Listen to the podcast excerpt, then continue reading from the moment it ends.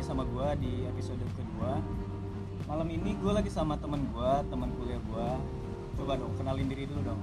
Ya, jadi nama gue Muhammad Aditya, bisa dipanggil Adit. Eh, lo kuliah di mana sih, Dit? Jadi gue kuliah di Universitas Trisakti, jurusan Teknik Geologi dan saat ini eh, gue ada di semester terakhir gue. Lagi sibuk berarti ya, Dit ya? Ya, kurang lebih kayak gitulah. Udah persiapin skripsi nih berarti semester akhir ya? Untuk saat ini gue lagi dalam proses nyusun-nyusun skripsi gue. Lo lagi sibuk apa sih, akhir-akhir ini? Jadi akhir-akhir ini gue eh, selain sibuk untuk nyusun skripsi, gue juga eh, habis mempersiapkan diri gue untuk ikut eh, Education Week program eh, IPTC di Beijing, Cina. Eh, dua hari yang lalu, alhamdulillah udah selesai. Oh iya, lo kan baru balik nih kemarin nih dari Cina, Dit. Ya betul. Coba dong eh, ceritain dong ke teman-teman semua nih, ada nggak sih pengalaman lo di sana kayak eh, boleh diceritain nggak awal mulanya lo tuh bisa keterima di sana tuh gimana atau di, ke- keterima tuh lewat seleksi atau gimana sih? Dit? Ya jadi pertama-tama kan nama acaranya ini IPTC atau International Petroleum Technology and Conference. Oh, iya, iya. Jadi ini kalau teman-teman tahu eh, IPA kurang lebih kayak gitu ada convention, ada exhibitionnya juga. Tapi yang spesial itu di IPTC ini ada namanya Education Week Program. Jadi Education Week Program ini dia adalah program yang eh, mengundang mahasiswa-mahasiswa dari seluruh dunia untuk ikut belajar di sana mengenai eh, studi-studi kasus mengenai petroleum dan kita mengerjakan sebuah proyek di sana. Awalnya sih eh, bagaimana cara terpilihnya itu kayak biasa kita apply kita masukin CV kita masukin eh, application letter kita motivation letter eh, script apa eh, transkrip nilai dan lain-lain ya terus eh, tinggal nunggu pengumumannya dan sesimpel itu sih sebenarnya Oh gitu. Kalau misalkan mau ke sana tuh seleksinya tuh berdasarkan eh, akreditasi kampus kah atau berdasarkan dari gimana sih Dit? Kalau Eh, keterimanya tuh? kalau yang gue tangkap sih ini nggak ada hubungannya sama kita dari kampus mana ya soalnya kan ini langsung benar-benar eh, penilaian terhadap individu kita soalnya kita di sana benar-benar memasukkan eh, kita apa info info diri kita seperti CV seperti eh, motivation letter kita jadi menurut gue sih ini memang benar-benar eh, individu benar-benar independen gitu Oh. Sebelumnya lo tahu ada IPTC ini tuh dari apa lo nyari di internet gitu atau rekomendasi siapa itu atau gimana tuh? Ya jadi eh, gue itu sebenarnya dapat info tentang IPTC ini dari grup APG Indonesia. Jadi eh, buat teman-teman yang belum tahu, APG ini adalah sebuah organisasi eh, American Association of Petroleum Geologists. Ah. Jadi di Indonesia sendiri kita punya yang, yang namanya APG Indonesia dan di grup kita itu sering banget untuk bertukar informasi mengenai info-info lomba, info-info conference dan lain-lain. Jadi gue dapet informasinya dari sana sih. Oh berarti eh, dari IPG ini sharingnya nggak cuma IPTC aja kali ya? Ya, sebenarnya banyak banyak Oh, banget yang exhibition bisa lain. kita yang bisa kita ikutin. Oh gitu gitu gitu.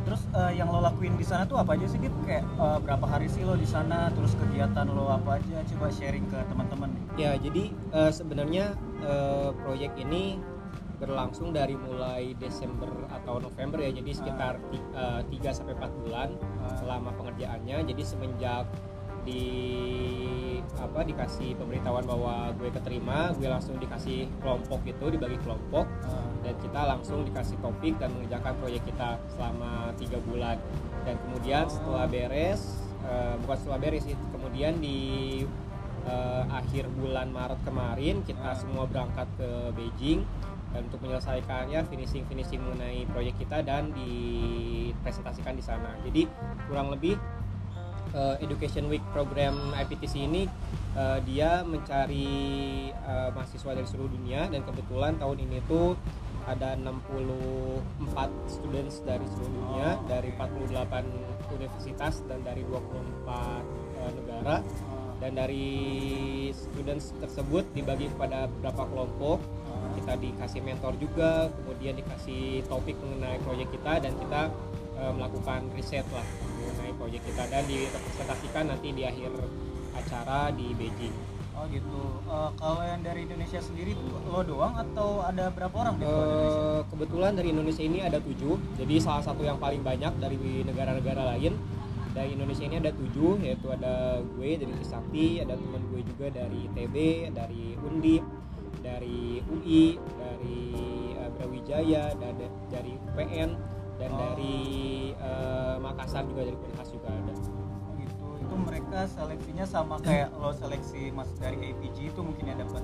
Ya, tapi Infonya. eh, sebenarnya kan karena IPTC ini eh, disponsori oleh empat organisasi petroleum di dunia yaitu APG, SPE, IAGE E dan juga eh, SEG.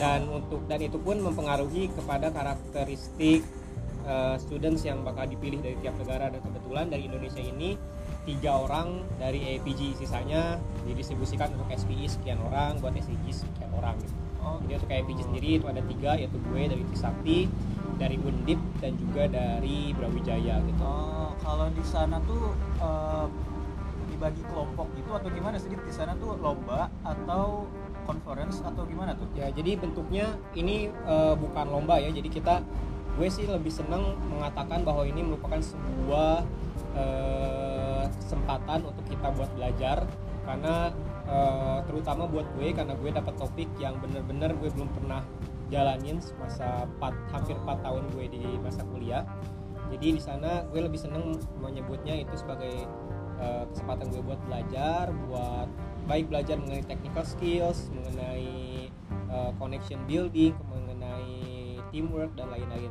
jadi eh, memang ini bukan kompetisi tapi sebagai rewardnya di akhir ada sih eh, apa eh, penghargaan buat tim terbaik gitu Oh gitu. Berarti Ah. dibagi-bagi kelompok ya. Kalau di sana sekelompok sama orang warga negara mana tuh? Iya betul. Jadi eh, gue itu satu kelompoknya tujuh orang eh, dari berbagai negara yang berbeda, dari berbagai universitas yang berbeda juga. Jadi kelompok gue itu kemarin dapat eh, dari Indonesia itu gue, kemudian ada orang Malaysia, ada dari Thailand juga, dari Myanmar, dari Brazil dan juga dari eh, Cina. Dan itu kita eh, dari berbeda-beda latar belakang ada yang eh, anak geologi ada yang anak geofisika ada anak petroleum juga dan bahkan di kelompok lain ada yang anak teknik kimia ada yang anak eh, teknik gas storage atau apa pokoknya banyak lah. Berarti macam-macam lah ya ya. macam-macam benar Terus eh, di sana tuh semingguan lah ya. ya kurang lebih seminggu lah. Eh, coba ceritain dong Dit, ada pengalaman yang seru nggak ketika lo conference di sana atau apa sih gimana cara kerja? Soalnya kan kita tahu eh, tiap warga negara tuh punya pribadi yang beda-beda nih kan Hmm. mereka gimana sih orang-orangnya Ya jadi eh, selain pengalaman mengenai bisa belajar hal baru mengenai petroleum, di sana juga yang terpenting gue dapat ba- dapat banyak banget oh iya, eh, apa life lessons gitu. Pertama mengenai yang mau gue sharing sama kalian mengenai bahasa ya. Jadi pertama eh, menurut gue bahasa Inggris ini udah absolut kita harus bisa gitu loh. Jadi gue eh, mau mengibaratkannya bahwa bahasa Inggris kita, communication skill kita itu sebagai senjata kita di sana. Dan mau artinya mau sepinter apa pun kita, mau sejenius apa pun ide kita sebagai pelurunya, kalau kita nggak punya eh, communication skill yang memadai untuk menyampaikan kepada orang itu agak agak sia-sia gitu agak kurang makanya pertama itu eh, gue sangat pikir bahwa bahasa Inggris kita ini sangat penting banget tapi eh, kabar baiknya adalah orang-orang di sana eh, lebih eh, fun mungkin ya dan fun dan juga yang paling penting adalah mereka nggak terlalu mempermasalahkan mengenai grammar, mengenai Oh. tenses, mengenai vocabulary dan lain-lain. Intinya kita tahu di Indonesia kayak orang Indonesia mau speak English tuh takut Ya, di, betul. ya, dijudge Eh, sama orang tuh jadi- kayak kurang Betul. Jadi kalau orang-orang di sana kita udah ada di sebuah perkumpulan eh, orang-orang dari berbagai negara yang harus berbicara bahasa Inggris, Nah, itu mereka nggak nggak peduli kita tensisnya bener atau enggak, vocabulary-nya, eh, tensis dan lain sebagainya lah. Ah. Yang penting selama kita mengerti apa yang eh, kita dan mereka bicarakan is oke gitu.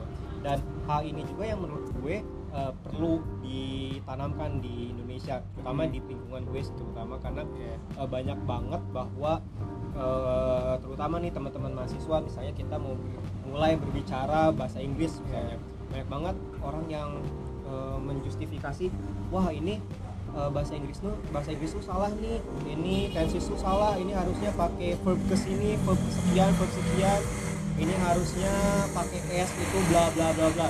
Dan akhirnya banyak banget orang yang bilang ya udahlah Inggris tuh jelek gak usah so Inggris gak usah pakai bahasa Inggris dan Ya, hal tersebut eh, pasti banget mempengaruhi ke psikologis kita yang Iya. ingin memulai buat berbicara bahasa Iya. Inggris padahal di implementasi yang sebenarnya it's okay kok kita salah tensi salah salah vocab Iya. yang penting mereka mengerti ya it's okay gitu karena kan harus dikuasain tuh grammar atau apa tuh? Menurut gue sih yang per- perlu banget kita kuasai adalah kepercayaan diri Hmm, benar-benar. Gitu. Setuju, setuju.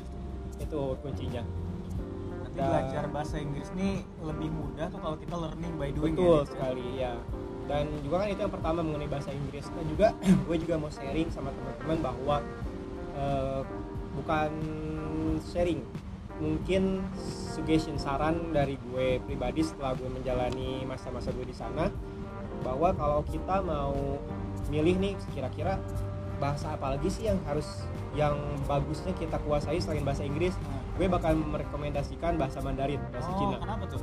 karena gini di satu sisi Hmm. eh, menurut pandangan gue Cina itu negara yang eh, sangat memonopoli Hmm. monopolinya tinggi banget Dalam hal apa tuh? mulai dari eh, internet misalnya dari Ah. mulai internet itu hampir semua media sosial website yang biasanya kita akses di Indonesia atau di negara-negara lain pun di sana diblok seperti misalnya YouTube, Google, uh, WhatsApp, Line, bahkan Grab itu nggak ada. Dan sebagai gantinya mereka memiliki uh, aplikasi mereka sendiri misalnya untuk Google mereka ganti sama Bing atau Baidu.com. Oh, Untuk chattingan pengganti WhatsApp mereka pakai WeChat. Untuk uh, pengganti Grab mereka uh, punya namanya Didi. Itu dari masalah internet. Bahkan mulai dari internet sampai masalah bahasa, menurut gue mereka sangat memonopoli. Karena mengapa? Sulit sekali mendapatkan uh, orang lokal di sana yang bisa berbahasa Inggris. Bahkan di tempat-tempat yang uh, pedagang umum mungkin ya. Pedagang pun susah bahkan di tempat-tempat umum seperti uh, di airport, di hotel dan hal dan lain-lain itu agak sulit juga untuk mendapatkan orang lokal yang bisa berbahasa Inggris. Di satu sisi mereka sangat memuat memonopoli banyak hal mulai dari internet sampai ke bahasa mereka, tapi di sisi lain juga kita harus mengakui bahwa Cina ini masyarakatnya pertama banyak dan juga ekonomi dan industri, industri mereka ini sangat uh, berkembang pesat. Jadi uh, menurut gue di masa depan lagi di masa depan nanti most likely kita akan bertemu dengan apakah itu orang dari Cina, apakah itu perusahaan dari Cina dan gue merasa kalau kita bisa menguasai bahasa mereka uh, itu akan menjadi privilege yang sangat uh, berguna sih bagi buat kita menurut gue gitu loh Oke, oke. dan itu yang kedua yang pertama kan mengenai bahasa Inggris kemudian mengenai bahasa Ah. Mandarin yang selanjutnya adalah eh, nilai yang gue dapetin selama di sana adalah eh, mengenai nilai kerja keras kita mengenai terhadap eh, belajar kita. Jadi di sana kita eh di sana gue dapet banget eh, pandangan bahwa di sana banyak banget orang-orang yang belajar itu gila-gilaan. Di mana orang udah ngomongin ini udah ngomongin itu ngomongin ini ngomongin itu udah ngomongin tentang nanoporosity udah ngomongin tentang microseismic udah ngomongin tentang IOR dengan cara yang baru A B C D. Dan di sisi di satu sisi gue melihat sebuah fenomena seperti itu. Dan di sisi lain eh, kalau gue melihat kehidupan teman-teman gue termasuk gue di Indonesia ba- masih banyak sekali orang-orang yang masih malas buat belajar yang masih kurang motivasi buat belajar yang masih kalau mau kuliah masih memikirin tipsnya enggak ya atau enggak. Iya, benar. termasuk gue sendiri ya ini jadi menjadi uh, friendly reminder juga buat gue sendiri karena gue sebagai mahasiswa biasa juga sering banget meng- mengalami uh, masalah-masalah seperti itu gitu. Tapi setidaknya dengan gue men- uh, mengikuti acara tersebut kemarin gue menjadi memiliki sebuah pandangan baru bahwa ada loh di dunia ini orang yang segila itu dalam belajarnya. Ada loh di dunia ini orang yang sekencang itu larinya untuk mengejar ilmu gitu. Walaupun gue nggak nggak me- mengatakan bahwa semua orang dari negara mereka itu seperti itu. Mungkin juga dari negara mereka ada juga orang-orang yang males yang kurang motivasi. Tapi at least uh, ada loh gitu orang yang uh, se sesemangat itu dalam mengejar ilmu gitu. Dan kalau kita gini-gini aja kita masih kurang motivasi kita males buat belajar kita masih mikirin uh, kuliah buat tipsen atau enggak kita bisa ketinggalan jauh gitu loh Nanti kalau di Cina tuh antara eh, yang satu dan lainnya tuh semakin terpicu kali ya. Ya, yang satu betul. rajin, berarti yang satu pasti bakal terpicu. Hmm. Rajin juga. Hmm. Oke, itu kalau dari kebudayaan Cina. Kalau misalkan eh, kembali lagi nih kita ke eh, IPTC nih. Hmm. Mungkin dari kebudayaan Cina mereka kalau misalkan ketika di conference itu gimana sih? Apakah mereka bisa menyesuaikan diri atau negara mana yang paling eh, bagaimana ya? Ya, beradaptasi lah, gampang Ya. beradaptasi gitu. Eh, sebenarnya dari pengalaman gue kemarin berada di lingkungan yang sama dengan orang-orang dari berbagai negara yang berbeda eh, gue bisa menilai beberapa poin seperti negara mana sih yang paling dominan? Negara mana sih yang vokal? Negara mana sih yang malu-malu? Iya. ya. Dan yang bisa gue eh, katakan bah adalah negara yang paling vokal itu biasanya adalah negara-negara India negara-negara eh, Timur Tengah. Itu mereka biasanya vokal banget dalam eh, apa dalam menyampaikan sesuatu menyampaikan opini mereka mereka eh, vokal banget. Kalau orang-orang eh, yang dekat-dekat dengan kita terutama eh, Indonesia Asia- atau Asia. Asia Tenggara lah itu cenderung eh, mereka tidak sevokal orang-orang dari Timur Tengah atau India lah tapi eh, walaupun mereka mungkin memiliki eh, ide dan juga intelijen yang tinggi ya cuman nilai plus dari orang-orang dari Timur Tengah orang-orang India ataupun negara-negara di Amerika Amerika Selatan ataupun Ame- Ame- Amerika Utara itu mereka tinggi banget vokalnya. Mereka tinggi banget kepercayaan dirinya untuk stand out gitu loh gimana sih lo bisa menyesuaikan diri dengan dari lo yang Indonesia nih kita tahu kan kebudayaan Indonesia Ya. jadi gimana berbeda dengan kebudayaan kayak India dan lain-lain mungkin kalau Malaysia dan Filipina atau Thailand itu mungkin lebih mirip-mirip Indonesia Ya, lah. mirip-mirip. Itu gimana tuh lo bisa menyesuaikan atau menempatkan posisi lo uh, bisa uh, ber- apa ya berdiskusi sama mereka Ya. lah gimana Eh, menurut gue sih kuncinya adalah kita yang penting jadi diri sendiri dulu karena nggak ada yang mengatakan bahwa dengan kita nggak vokal dengan kita nggak terlalu menonjol itu salah nggak karena eh, intinya menurut gue adalah kita menjadi diri kita sendiri dulu dan kita harus berbuat eh, baik pada semua orang setiap orang. Kita juga eh, menghargai orang lain. Kita bakal bisa masuk kok dengan sendirinya gitu. Orang-orang bakal menerima kita apa adanya dan juga opini kita akan diterima juga. Jadi nggak usah eh, malu misalnya kita ada di sebuah lingkungan dengan berbagai macam negara berbagai macam budaya terus kita mengakui atau menyadari bahwa "Ah, Indonesia kan eh, orang-orangnya malu-malu Indonesia Iya. kan orang-orangnya eh, ya udahlah ngikut aja gitu Iya. Eh, nggak perlu gitu nggak perlu kita merasa "Ah, ini nih eh, kita kayaknya kalah nih sama mereka nggak usah kita jadi aja diri kita sendiri kita coba buat berbuat sebaik kita kemudian kita coba masuk pada mereka dan mereka juga akan eh, lama-lama bukan lama-lama sih bahkan akan langsung menerima kita kok gitu. Akan terjadi sebuah teamwork yang yang lancar gitu. Oh gitu gitu gitu. Eh, terus di IPTC ada mungkin ada hal yang menarik nggak gitu atau ada pengalaman yang berkesan banget nih dalam diri lo? Kayak eh, atau gimana cara lo bisa berdiskusi dengan mereka bergaul sama mereka? Atau ada pengalaman menarik nggak nih? Eh, mungkin mengenai Beijingnya sendiri kali ya.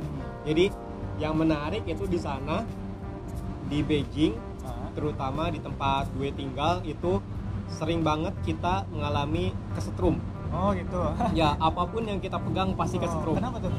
itu pun yang masih kita cari tahu sampai sekarang karena sering banget kita kesetrum misalnya kita megang atau mencet tombol lift setrum Ah. dan itu kesetrumnya bener-bener kesetrum yang Ah. ada suaranya loh Oh, gitu iya, iya, bener-bener iya. kenceng mulai dari uh, kita pencet lift Hmm. atau kita mau makan kita ambil sendok kesetrum Oh gitu. kita pegangan ke kursi juga kesetrum bahkan kalau kita lagi eh, ngasihin sesuatu barang gitu ke orang Hah? itu pun bisa kesetrum kayak misalnya eh, waktu suatu malam gitu gue lagi diskusi sama kelompok gue.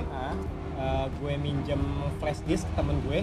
Dan pas kita pegangan flash disk sama-sama itu kesetrum gitu itu faktor apa tuh dit nah itu kita masih nyari tahu tuh kenapa bisa atau itu kesetrum sugesti atau hanya Eh, enggak bisa sih. terjadi di Cina tuh kalau sugesti eh, kak gue kira enggak sih ya soalnya enggak Iya. cuma gue doang enggak cuma orang Indonesia doang hampir semua orang yang di sana merasakan hal yang sama gitu saya, Oh, gitu. saya kalau gue lagi ngobrol sama temen gue orang Indonesia eh, ada electrocution atau ada ada Oh, habis iya, kesetrum iya, iya. atau kita tiba-tiba kaget habis megang, megang, eh, yang lain apa pun gitu ya. Iya, dan orang-orang pasti ketawa karena mereka pernah mengalami hal itu juga gitu. Oh, gitu gitu gitu.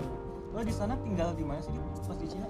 Jadi gue di sana itu dikasih akomodasi kebetulan di apa di Beijing oh enggak tempat gue apa melakukan Di aktivitas itu bukan di hotel nama tempat gue melakukan aktivitas itu di Beijing International Convention Center. Oke. Dan sementara gue tinggalnya itu di China Continental Hotel. Itu saling berdekatan sih saling deketan. Mungkin kalau di Jakarta kayak Hotel Sultan sama JCC kali ya. Oh, jadi ada gitu. ada akses khususnya buat menghubungkan kedua tempat itu. Oh, biaya hidup di sana tuh murah nggak sih dit? Mulai dari lo Hmm. nyari makan atau gimana tuh? Sebenarnya sih eh, gue nggak bisa bilang itu murah atau enggak ya karena kan kalau untuk mengatakan eh, biaya hidupnya murah atau enggak itu harus disesuaikan juga sama eh, pendapatan kalau kita mendapatkan uang dari sana gitu atau Iya. kalau kita ngomongin di Jakarta UMR-nya berapa sih di sana gitu kan Iya. kan eh, bakal berpengaruh juga kalau misalnya harganya mahal tapi UMR-nya tinggi kan juga nggak bisa disebut tinggi tapi eh, karena di sana gue eh, dikasih akomodasi dikasih uang saku juga. Gue nggak bisa mengatakan sih itu mahal atau enggak untuk ukuran di Beijing ya. Tapi kalau gue coba eh, convert ke rupiah emang agak mahal sih. Misalnya eh, harga sekali makan di sana itu sekitar 30 sampai 40 yuan. Itu tuh kalau di convert ke rupiah itu sekitar 60 sampai 80 ribu sekali makan. Tapi eh, yang perlu digarisbawahi adalah dengan harga segitu kita dapat porsi yang gede banget. Oh, jadi porsi gue nggak ngerti ya kenapa porsi di sana tuh gede banget. Jadi eh, porsi di sana itu dengan harga segitu itu mungkin di Indonesia bisa untuk 2 sampai tiga kali makan atau bisa untuk bareng-bareng 2 sampai tiga orang gitu loh. Ah, jadi kalau biasanya di Indonesia kita eh, mesen apa pun makanan itu di piring biasanya di sana dia menyampai apa menyajikannya di bowl gitu loh Oh, bowl iya, gede iya. banget jadi makanya eh, porsinya gede banget lah oh. porsi kuli banget kalau di sana tuh cari makanan halal gampang nggak sih dit ya itu juga jadi suatu masalah buat gue dan teman-teman gue dari Indonesia dan juga Oh. teman-teman dari negara muslim lainnya juga jadi eh, di sana itu makanan banyak jenis makanan banyak gerai-gerai makanan banyak tapi eh, hampir semuanya itu eh, mengandung pork gitu kan Hmm, ya. jadi bahkan untuk eh, makanan-makanan umum seperti KFC, eh, McD dan lain-lain itu nggak menjamin bahwa itu bebas pork gitu. Kita harus tetap tanya. Jadi kalau mau aman kita harus cari eh, rumah makan yang benar-benar ada logo halalnya gitu. Dan itu susah banget biasanya. Dan gue pun selama di sana gue dan teman-teman eh, emang harus eh, berusaha sedikit lebih banyak sih eh, apakah kita jalan beberapa kilometer atau kita naik taksi gitu untuk eh, menemukan apa rumah makan yang ada logo halalnya gitu loh. Hmm, Oke oke oke. Eh, boleh dong dit kasih tips nih buat teman-teman yang akan dengerin semua nih. Kalau misalkan pengen kayak lo nih bisa ikut IPTC lah, itu gimana sih eh, kiat-kiatnya nih? Hmm. Jadi sih menurut gue eh, pertama kita harus punya eh, informasinya dulu sih ya. Kita harus Hmm, banyakin kita harus link. rajin lihat Betul. ya. Selain kita harus eh, cari informasi juga kalau kita punya banyak link, punya banyak koneksi itu biasanya lebih cepat banget kita dapat Oh, eh, info-info mengenai hal-hal seperti ini Bang. apakah itu eh, paper competition, conference atau hal education week seperti ini itu kalau kita punya koneksi yang banyak itu biasanya sampai cepet cepetnya sampai sih dan juga eh, mungkin tips yang lainnya adalah kita harus menyiapkan CV dari sekarang gitu. Karena Hmm, eh, CV itu eh, lama-lama akan sangat dibutuhkan Iya. dan urgensinya juga bahkan akan sangat dibutuhkan. Jadi kalau misalnya kita punya informasi mengenai ini ada pembukaan buat seleksi A untuk seleksi A eh, B seleksi C itu kita nggak usah lagi mikirin bikin CV lagi edit Ah. nyari konten. Jadi kalau kita udah punya CV yang siap kita langsung bisa eh, submit gitu. Karena eh, nggak jarang ada submission submission yang kayak gini tuh nggak lama waktunya. Kadang cuma satu minggu kadang cuma berapa hari. Jadi kalau kita udah well prepare sih gue rasa itu bakal ba- eh, sangat membantu sih buat kita. Berarti lo tahu uh, ada info IPT sini udah dari tahun lalu mungkin ya? Betul dari tahun lalu. Jadi eh, gue daftar itu hmm, kalau nggak salah bulan Juli atau Agustus gitu ya atau Agustus kemudian pengumumannya itu di bulan Oktober lah kurang lebih. Berarti kalau bisa gue simpulin yang paling penting itu adalah yang pertama networking ya karena itu penting banget tuh. Betul itu bakal membantu banget. Kedua tuh adalah mungkin skill gimana cara kita Iya. berkomunikasi sama orang. Nah, itu penting juga. Gimana cara kita bisa beradaptasi dengan lingkungan yang baru Betul. ya. Oke oke. Eh, dari lo pelajaran di Cina kemarin nih lo dapat pelajaran hidup apa sih dit? Yang pas dari IPTC kemarin nih. Hmm, jadi ada eh, nggak pengalaman yang eh, wah dulu gua belum tahu apa tapi lo sekarang jadi tahu gara-gara IPTC kemarin nih ya jadi eh, kalau bisa gue simpulin sih dari kegiatan kemarin eh, itu bener-bener komprehensif banget eh, experience yang gue dapetin Hmm. mulai dari eh, pengalaman mengenai teknikal dari eh, oil and gas bagaimana cara eh, melakukan metode microseismic melakukan metode ini ini ini ini, ini. karena kan di sana juga gue eh, bekerja agak berbeda dengan yang gue lakukan di kampus Eh, dalam arti da- di sana gue beker- mengerjakan suatu project di yang dilihat dari berbagai sudut pandang gak hanya dari geologi karena kan gue kalau di kampus eh, mengerjakan sebuah tugas itu semuanya anak geologi gitu Iya, betul. Eh, saat, saat gue di sana gue melakukan sebuah eh, proyek di mana kita harus menyatukan eh, apa sudut pandang dari geologi, dari geofisika, dari petroleum engineering dan lain-lain gitu. Itu pertama dan juga dari hal itu juga eh, gue belajar gimana eh, caranya buat kerjasama dengan orang lain, kerjasama dengan orang yang belum pernah gue kenal dari negara yang eh, baru, dari kebudayaan yang baru, dari background yang baru juga gimana kita bisa menempatkan diri kita di sana gitu agar diri kita ini bermanfaat loh buat menyelesaikan proyek ini gitu loh. Gitu. Dan juga mengenai koneksi itu eh, besar sekali sih menurut gue dari kegiatan kemarin baik eh, connection building antara mahasiswa maupun dengan perusahaan antara prof- profesional itu eh, sangat eh, banyak banget kesempatannya gitu. Lo di sana banyak ketemu orang-orang penting gak sih? Maksudnya kayak dari dunia and gas betul. itu siapa aja tuh? Di sana jadi IPTC ini merupakan salah satu agenda eh, besar perminyakan di dunia. Jadi eh, banyak banget seperti presidennya APG presidennya SPE, presidennya IAGE itu pada datang ke sana. Dan juga kayak presidennya CNPC karena mereka kan sebagai tuan rumah, kemudian eh, presidennya eh, Saudi Aramco dan lain-lain itu banyak banget. Dan di sana adalah salah satu-satunya tempat di mana kita sebagai mahasiswa itu bisa bebas buat eh, ngobrol dengan dia gitu. Dan arti kalau misalnya kita ketemu dengan orang-orang penting seperti itu di jalan misalnya atau di, di kesempatan yang lain kan belum tentu kita bisa eh, Pak boleh minta waktunya sebentar kita ngobrol kan belum tentu. Tapi di sana kita memiliki privilege yang khusus di mana kita mau ngobrol apa pun oke karena di sana eh, kita berada di satu eh, frame atau di satu lokasi di satu acara yang sama gitu dengan dia. Gitu loh. Berarti banyak insight baru lah ya yang uh, Betul banget. dari mereka Betul banget.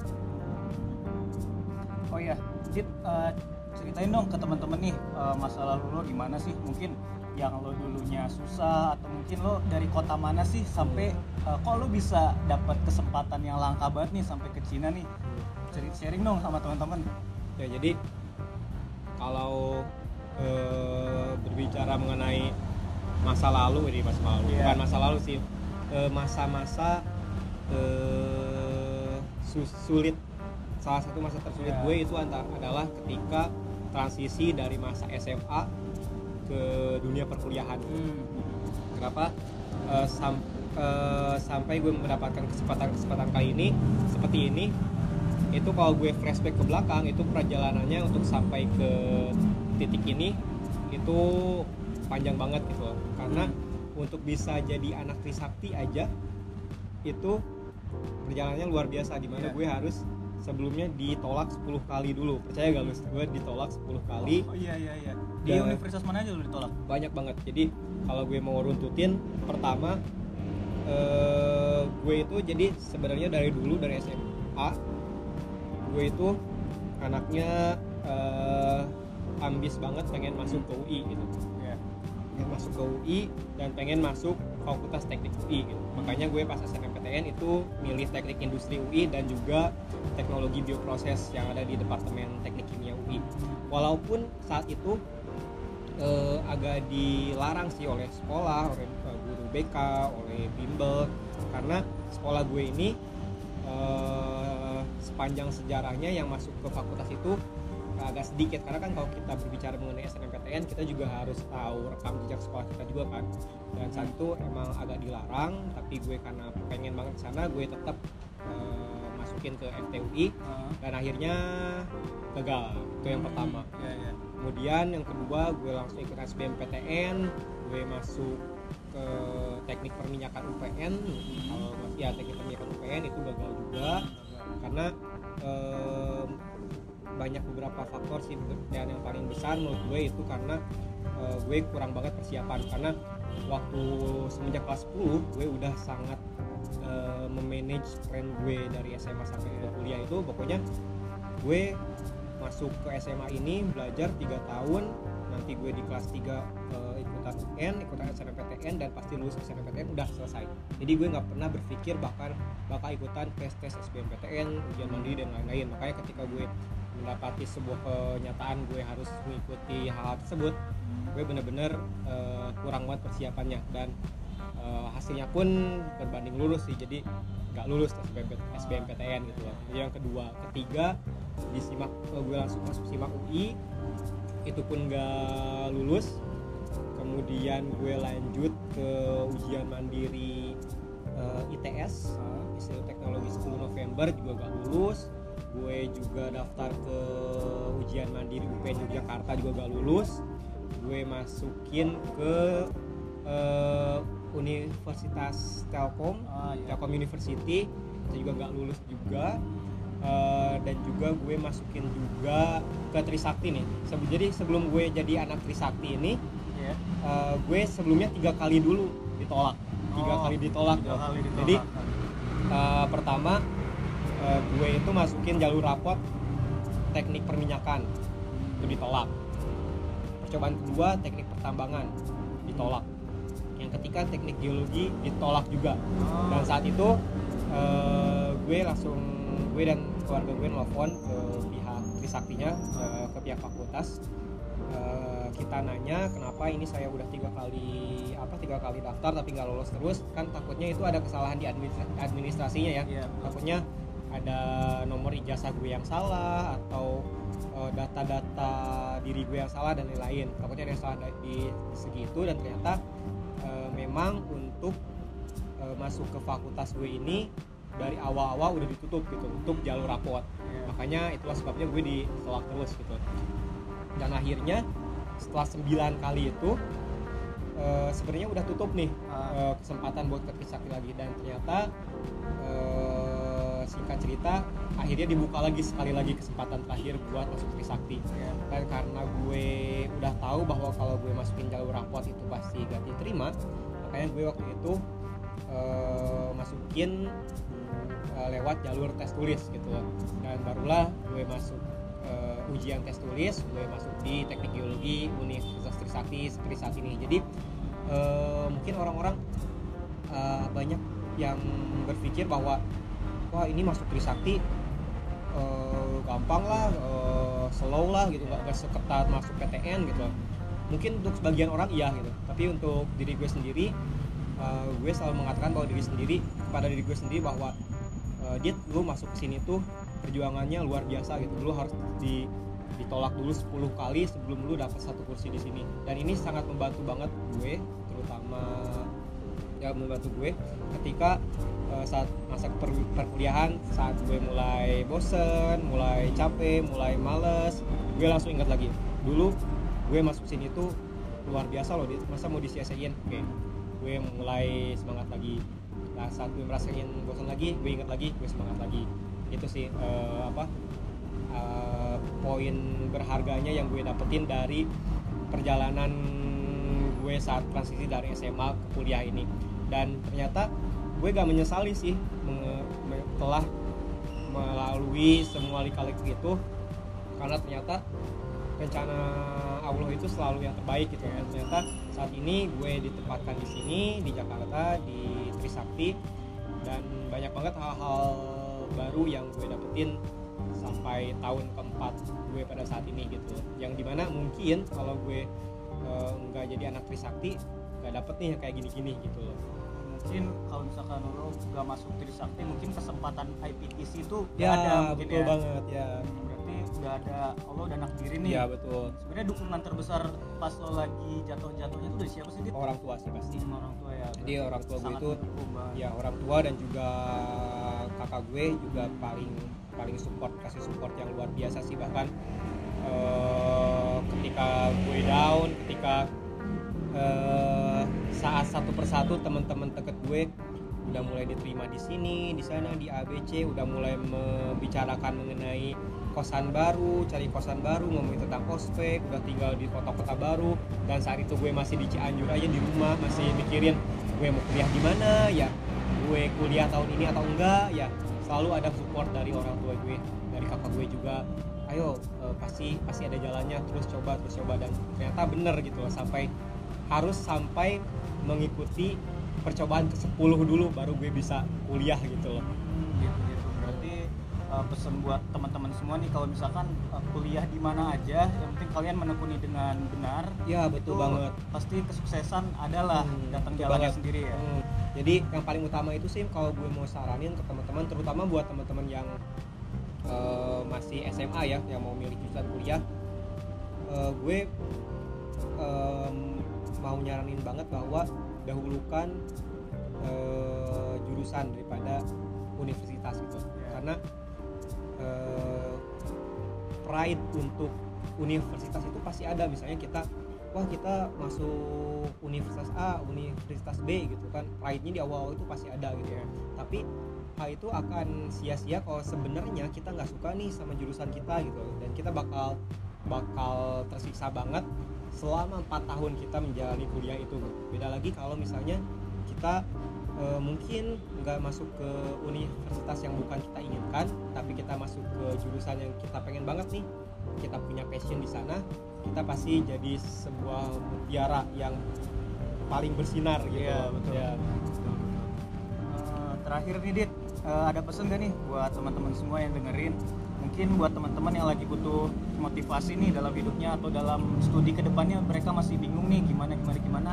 Ada pesan gak nih buat teman-teman semua nih? Ya mungkin pesan utama gue sih jangan mudah menyerah. Ya mungkin itu kayak old song banget ya klasik. Iya, tapi betul. hal tersebut bener-bener it works gitu loh. Kita nggak nggak pernah tahu kita bakal berhasil sampai ke percobaan keberapa. Kita nggak pernah tahu kita akan berhasil di titik mana di kesempatan yang mana di rezeki yang mana pokoknya kita coba terus. Selama kita eh, apa punya kepercayaan diri yang tinggi dibarengi oleh doa dan juga support dari orang-orang orang-orang terdekat eh, gue yakin bisa sih. Gitu. mungkin ada pesan lain nggak? Eh, mungkin apa ya? Mungkin pesan gue eh, untuk teman-teman yang lagi kuliah atau lagi sekolah pun itu eh, jangan sia-siain sih apa kesempatan apa pun yang kita punya saat ini ambil segala macam kesempatan Betul. meskipun kita belum pernah pelajarin itu Betul di banget, kuliah atau ya. dalam kehidupan mungkin Hmm. setelah kita ikutin kesempatan itu kita ambil kesempatan itu mungkin eh, kita jadi lebih Iya ini lagi. betul banget. Nah, pokoknya kesempatan yang ada di depan mata kita manfaatkan dan bahkan kita cari challenge lain nih. Kita kalau misalnya kita udah mulai bosen dengan yang kita kerjain ini ini aja, misalnya kita udah bosen nih kuliah mulu setiap hari berangkat ke Iya, kampus, ngerjain tugas, ngerjain laporan. Kita mau memiliki hal-hal yang baru, kita ikutan aja conference, misalnya atau ikutan education week, kita ikutan eh, student exchange dan lain-lain. Dan jangan pernah berpikir bahwa dengan kita melakukan hal-hal tersebut itu hanya akan membuang waktu kita. Di mana misalnya gue nih kalau mau ikutan hal-hal kayak gini berarti gue bolos dari kuliah sekian hari gue bolos dari kuliah sekian minggu nanti absen gue bolong. Eh, mungkin itu jadi hal yang harus kita eh, akalin juga sih ya biar kita tetap selamat di semester itu gitu. Tapi di sisi lain juga eh, gue mau ngasih tahu bahwa hal tersebut tuh bisa banget membantu kita buat eh, mendapatkan insight baru gitu mengenai du- dunia luar Eh, tentang kita belajar tentang soft skill tentang connection building dan lain-lain itu pas, eh, pasti berguna banget sih buat kita di masa depan gitu Oke oke wah makasih banyak Dit udah bagi insight baru nih buat teman-teman semua Oke. mungkin mereka lagi pada butuh motivasi mungkin Ya. kita harus belajar ya kita kalau kita mau sukses mungkin kita harus belajar dari pengalaman orang-orang dulu nih biar Betul, kita bisa ya. dijadikan motivasi untuk kita ke depannya Ya. gimana dan juga eh, gini sih gue mau menyaranin bahwa sering-sering ajak ngobrol sama orang-orang tertentu yang kalian pikir eh, ini orang eh, sukses nih ini orang banyak banget nih pencapaiannya pencapaiannya dan lain-lain. Coba ajak ngobrol gimana perjuangan mereka bisa sampai titik itu. Dan gue pun eh, sering banget melakukan hal ini buat nyari tahu ini orang bisa sukses kayak gini dulunya kayak gimana sih perjuangannya dulunya jatuh bangunnya kayak gimana sih dan itu eh, selalu menjadi motivasi yang berharga sih buat gue. Karena yang kita lihat orang-orang tuh kita lihat ketika mereka udah suksesnya aja. Betul kayak kayak bongkahan es kan yang kita lihat cuma di, di permukaannya aja padahal di dalamnya itu pasti lebih Iya. besar gitu yang gak kelihatan. Oke oke, makasih banyak Dit. Malam ini udah mau bagi insight baru oke buat sama-sama Mungkin kita ketemu di lain episode oke. ketika ada info baru. Siap Terima kasih banyak Dit. oke Ya mungkin teman-teman ini episode eh, kedua terakhir kali malam ini. Eh, sampai jumpa di episode selanjutnya. Assalamualaikum warahmatullahi wabarakatuh.